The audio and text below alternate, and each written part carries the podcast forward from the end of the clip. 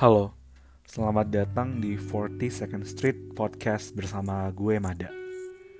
42nd Street itu bagi gue menggambarkan banyak hal.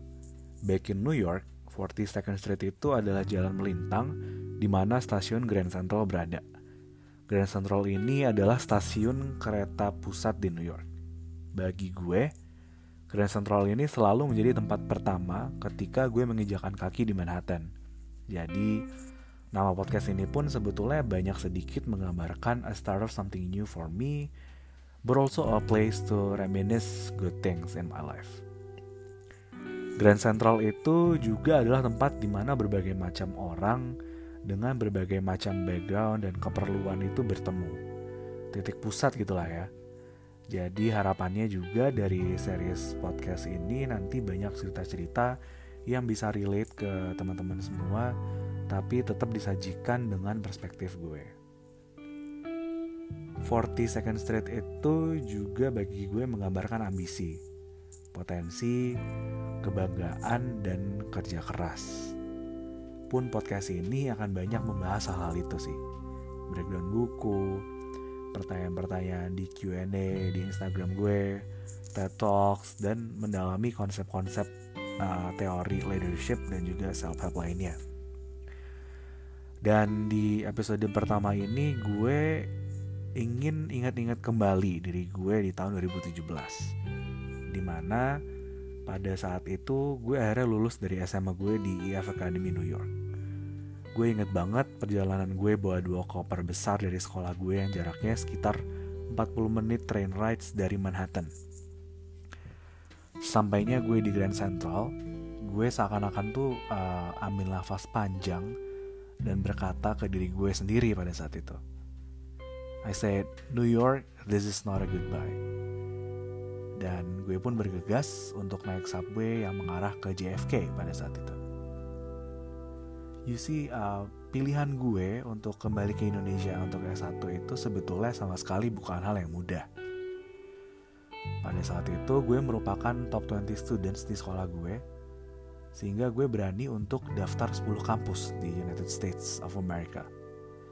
Lima di antaranya itu adalah Harvard, Wharton School di UPenn, NYU, UC San Diego, dan juga University of Massachusetts. Namanya juga pelajar idealis ya, jadi memang pada saat itu gue dan orang tua sepakat kalau mentalitas memang harus go big or go home. Singkat cerita, UMass, UC San Diego itu nerima gue dan offer partial scholarship padahal. Tapi Harvard gak terima gue sama sekali. University of Pennsylvania, Wharton itu top 3 business school di dunia invite gue untuk wawancara di tahap selection selanjutnya. I mean it's Wharton we're talking about, right? So I was super proud of myself. I thought to myself, it's only an interview. I'm gonna ace this and become a student of one of the best business school in the world. Saking senangnya, gue bahkan gak prepare sama sekali. Dan ini sih letak kesalahan dan pembelajaran terbesar gue. Singkat cerita, gue gagal masuk Wharton pada saat itu. Dan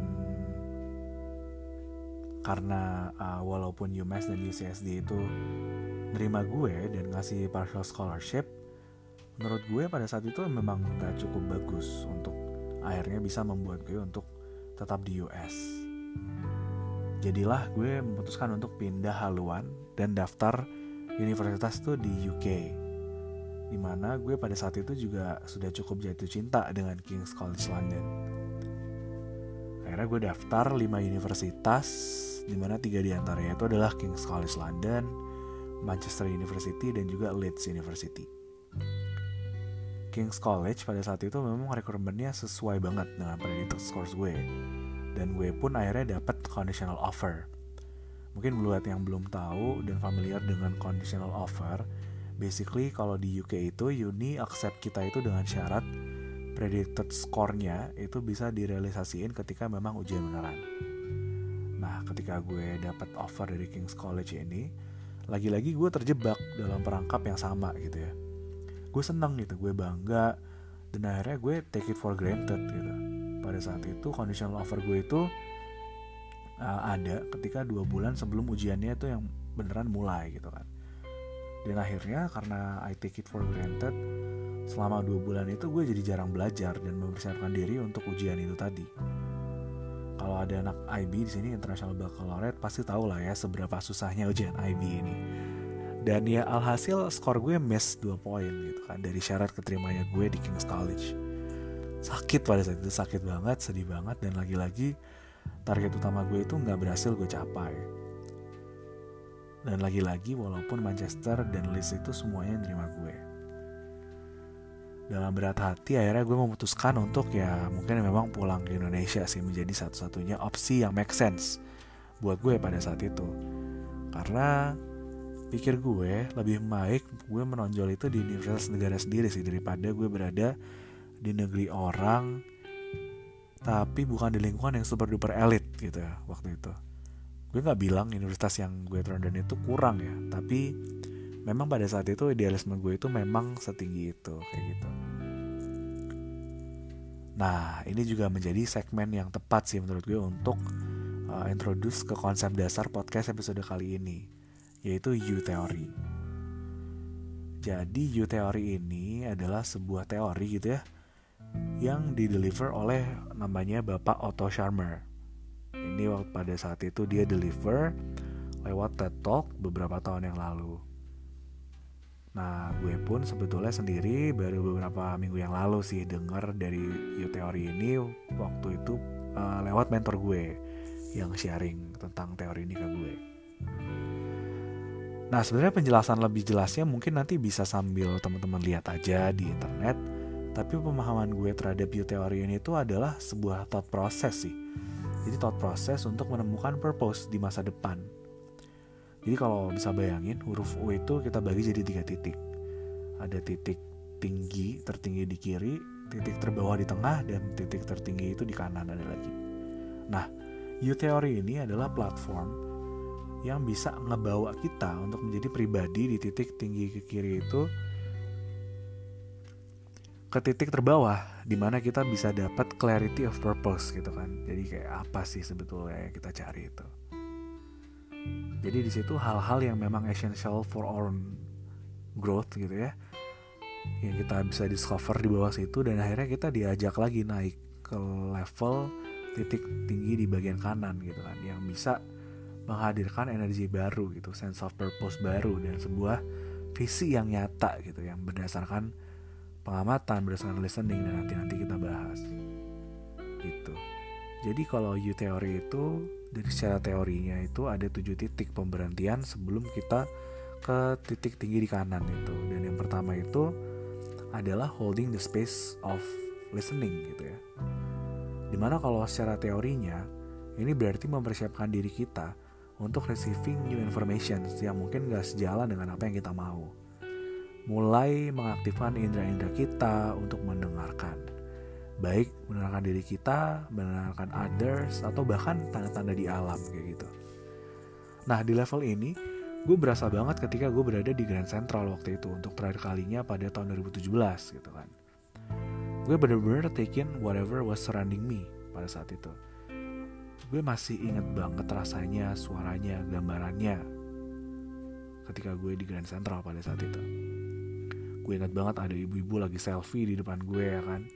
Dan gue inget banget waktu itu gue memutuskan untuk makan Chipotle terakhir kalinya waktu saat itu. Dan bahkan gue bisa denger nih diri gue sendiri bilang this is not a goodbye itu tadi kan.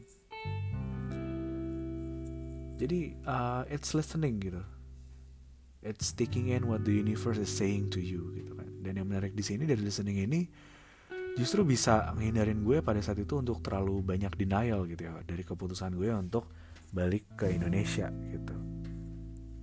Dan akhirnya dari ketika gue masuk pesawat gue udah bisa make up my mind kalau memang ini tuh strategic retreat gitu ya bukan admitting defeat kayak gitu.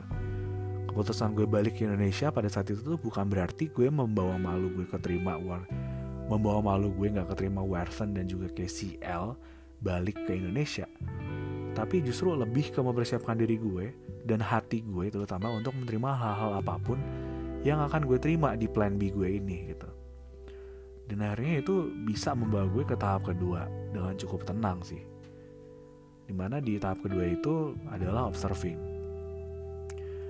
Jadi ketika gue tiba di Indonesia gitu kan hal yang gue lakukan pertama waktu itu ya memang udah ikhlas dulu sih. Ikhlas kalau memang ini jalan gue pada saat itu. Gue menolak uh, total ya, kurang lebih 10 universitas ya di US dan UK untuk kembali dan harus berjuang lagi untuk akhirnya bisa masuk ITB gitu kan. Itu itu adalah jalan yang akhirnya gue ikhlaskan gitu. Dan alhamdulillah singkat cerita gue pun masuk di ITB nah ini sih yang unik di mana selama 15 tahun gue hidup sebelum SMA di New York itu gue selalu berada di lingkungan yang Jawa banget. Jawa sentris banget. Gue uh, besar di Jogja kemudian ke Semarang. Bahkan untuk ngehilangin suara gue yang medok itu perlu penyesuaian yang cukup banyak sih di New York. Dan kalau kita tahu salah satu teori perubahan itu kan kita berubah itu tahapnya unfreeze, change dan juga freeze kan. Jadi kita unfreeze dulu semua yang kita punya baru kita bisa berubah dan kita freeze lagi perubahannya. Jadi unik aja gitu menurut gue ketika gue barusan berubah 1-2 tahun ini di New York gitu ya dan harus lagi berada di kondisi yang jauh berbeda lagi gitu. Jadi observing di sini menurut gue yang benar-benar diam aja gitu tanpa judgement apa pun gitu tentang apa pun yang ada di depan mata kita, depan telinga kita dan indera perasa kita lainnya. Ini tentang belajar melihat apa yang dilakuin sama orang-orang di sekitar gue waktu pada saat itu. Jadi memang uh, sense of introvertness gue di sini benar-benar nyala banget gitu. Ini pun bukan hal yang mudah sebetulnya karena introvert itu terutama gue itu adalah introvert yang biasanya judging di dalam dan menghilangkan sifat judging ini memang perlu benar-benar punya anggapan gitu ya bahwa everyone is okay and everyone is resourceful gitu. Ini kebukti di awal-awal gue masuk SBM sih dan memang waktu itu gue uh, adalah seorang yang single fighter banget. Semua semua gue kerjain sendiri, gue achieve memang.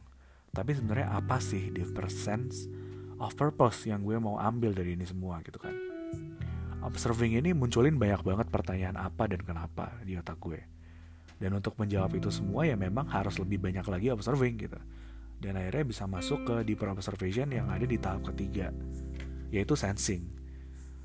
Sensing ini adalah state di mana yang tadinya kita observing without judgment itu sekarang berubah jadi curiosity gitu ya. Jadi sebuah thirst of knowledge gitu, kayak real thirst of knowledge mengenai reason for being dari hal-hal yang ada di sekitar kita. Gak lagi ngerjain tugas itu cuma buat ambis dan achieve, tapi benar-benar curious as to why do I have to do this in the first place gitu dan jujur ini memang gue belajar I learned this the hard way terus salah satu matkul di semester saat uh, dua ya pada saat itu yang namanya adalah LMP Leadership Management Practice. Di mana gue pada saat itu harus mimpin seluruh angkatan gue untuk bikin satu exhibition gitu.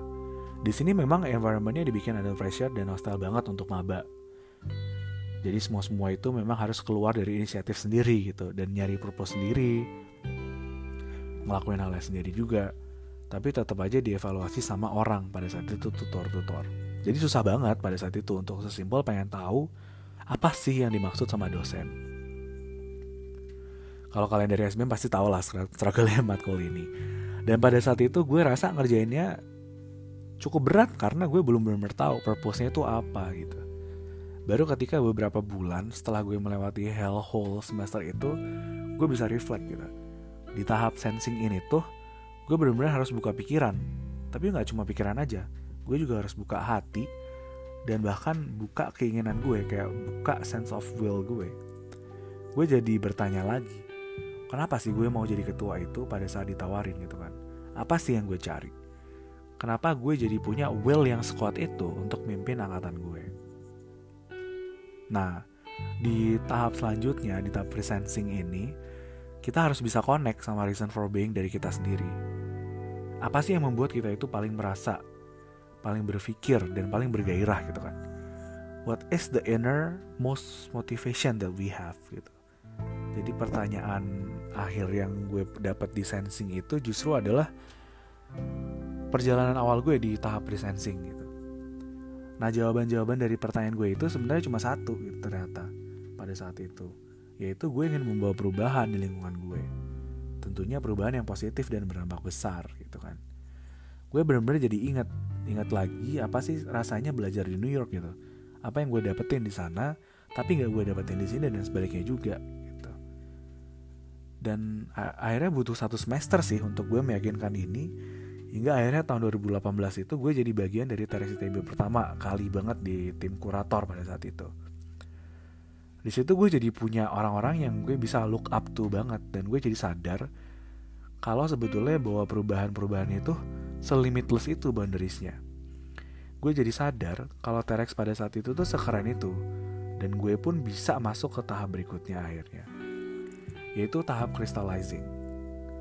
Firming my purpose dan what to do selama gue berada di lingkungan baru ini. Dari TEDx pada saat itu gue sadar kalau kristal gue sinarnya memang initiating changes through projects. Leadership development, entrepreneurship, dan hal positif internasional lainnya lah yang memang ada di lingkungan gue kalau gue nggak masuk. Ada yang yang memang harusnya ada di lingkungan gue ketika gue masuk wartawan itu tadi tapi belum ada di ITB gitu kan. Jadi akhirnya gue mantep banget baik dari hati pikiran maupun keinginan untuk menghadirkan international exposure dari kegiatan-kegiatan yang bagus dan positif di ITB gitu. Nah kebetulan di saat crystallizing ini juga gue keterima menjadi salah satu fellows di MCW Global sebuah NGO internasional yang setahun sekali itu ngeberangkatin 25 youth leaders from around the world ke New York untuk develop leadership capability-nya dan juga akhirnya balik ngebawa uh, planning social project untuk community kita masing-masing. Nah, dari apa yang gue dapat di TEDx kemudian uh, fellowship gue di New York itu tambah firm gitu kristal gue karena sekarang gue nggak cuma punya keinginan tapi gue juga sekarang berada di komunitas leaders baru yang memang punya motivasi dan spirit yang sama kayak gue. Jadi di pikiran gue itu gue bringing international exposure ke ITB itu bukan simply buat gue, bukan simply anak ITB, tapi I'm part of something bigger gitu. Kayak I'm part of this 25 people uh, from around the world gitu ya, yang semuanya punya caranya sendiri untuk making positive impact gitu kan di Indonesia, di Vietnam, di Nigeria, Colombia dan negara-negara lain. Jadinya gue dapat banget sense of purpose dan reason for being dari gue sendiri gitu. Gue tahu banget apa yang pengen gue lakuin dan sebenarnya higher purpose apa yang gue serve kayak gitu. Sehingga gue bisa masuk ke fase selanjutnya yaitu prototyping. Di mana gue pun akhirnya bisa bikin ya pada saat itu Paragon Innovation Fellowship itu sih. Nah, PV ini benar-benar jadi bentuk nyata sih dari keinginan, hati, dan juga semua curahan purpose gue di ITB waktu itu. Istilahnya ya udah kayak anak gue sendiri gitu. Ultimate portfolio lah ya dari apa yang coba gue hadirin di ITB gitu. Gak cuma secara program aja tapi juga secara konsepnya juga gitu kan. Maksudnya yang anak S1 gitu bisa bikin leadership development programnya sendiri gitu kan. Itu menurut gue adalah satu hal yang uh, bringing uh, positive impact gitu dan akhirnya dari segala macam perintangan yang ada di PIV itu, gue bisa masuk ke fase terakhir dan teori ini yang uh, ada di fase terakhir itu adalah evolving gitu kan. Being a new version of myself yang menurut gue pada saat itu udah on track untuk fulfilling my inner drive and purpose gitu. Gue merasa dari uh, Paragon Innovation Fellowship itu memang banyak self fulfillment yang akhirnya gue dapat dan alhasil more and more people know what I bring to ITB gitu. Dan ini sebenarnya side bonus ya side effect dari apa yang gue lakuin gitu recognition pada saat itu. Dan sebetulnya di tahap ini kita nggak boleh evolve sendiri gitu ya. Kita harus bisa juga ngajak orang-orang di sekitar kita itu juga evolve bareng kita. Dan ini yang gue mungkin akhirnya uh, ngegerakin hati gue gitu untuk um, akhirnya bikin half price gitu ya. Ini roll half price di semua ini sih menurut gue. Di mana gue dengan pengalaman gue sampai pada saat itu 2019 itu akhirnya berani untuk ngajak orang-orang di sekitar gue untuk hadirin lomba taraf internasional gitu kan. Taraf internasional pertama bahkan pada saat itu di ITB dan gak main-main waktu itu kita uh, gue pun beraniin diri sendiri untuk pasang target yang gede waktu pada saat itu ya gue uh, bilang sama tim gue dan gue yakin dari gue sendiri kalau uh, evolving together atau co-evolving ini harus dicapai dengan cara kita harus top 20 program di dunia pada saat itu. Ya akhirnya kita sama-sama ngelakuin uh, dari target target yang gue bikin itu akhirnya menurut gue hampir semua BOD itu melakukan proses U teorinya sendiri gitu di level individual skala pribadi gitu. Hingga akhirnya pada saat tahap uh, evolving itu berubah jadi co-evolving gitu kan. Karena akhirnya kita bisa look back on what we did and actually came out as a new individual kayak collective individual. Dan hasilnya pun memuaskan gitu. Pada saat itu obviously kita bisa prove ourselves by winning uh, top 3 programs di dunia gitu. Dari seribuan lebih on campus program. gitu gitu sih menurut gue perjalanan gue di ITB ini dari yang tadinya adapting back gitu kan itu creating winning future for uh, myself and for all the people around me gitu. Nah, U teori ini menurut gue cocok banget buat teman-teman yang sekarang lagi berada di salah satu tahap yang sama kayak gue gitu. Terutama buat teman-teman yang masih di tahap listening atau observing. I think it's gonna be very powerful dan bisa ngadirin sense of purpose yang kebanyakan dari kita itu termasuk gue kadang suka ngerasa hilang gitu. Dan nanti ketika teman-teman nyoba untuk reflecting on you teori ini mungkin sekarang ngelihatnya story oriented banget ya. Tapi ini karena gue reflect back gitu. Tapi ketika nanti kita ngejalanin benar-benar dari awal gitu ya gue yakin banget akan lebih impactful sih. Karena kita benar-benar bisa go through every phase gitu kan ya. Dan akhirnya tahu apa sih ciri-ciri kita bisa sampai di fase tertentu dan apa sih ciri-ciri kita bisa akhirnya meninggalkan fase itu gitu. Jadi memang uh, bisa nge-cut comfort zone gitu. Karena balik lagi ya ketika kita di masa universitas itu kan memang nggak lama masa kita masa privilege kita itu nggak lama dan kalau kita memang terlalu nyaman di satu comfort zone itu dampaknya juga akan uh, negatif terhadap uh, growth kita kayak gitu sih. So um, I think that's the end of today's podcast. Mungkin ke depannya akan lebih banyak lagi eh, cara-cara uh, lain untuk lebih interaktif. Apakah itu Q&A dari Instagram gue jawab di sini atau seperti uh, uh, yang lainnya. So thank you for listening. I wish that you like my podcast and I'm waiting for your feedbacks on it supaya nantinya bisa lebih bagus lagi dan lebih insightful lagi so My name is Mada from 42nd Street. I'm signing off.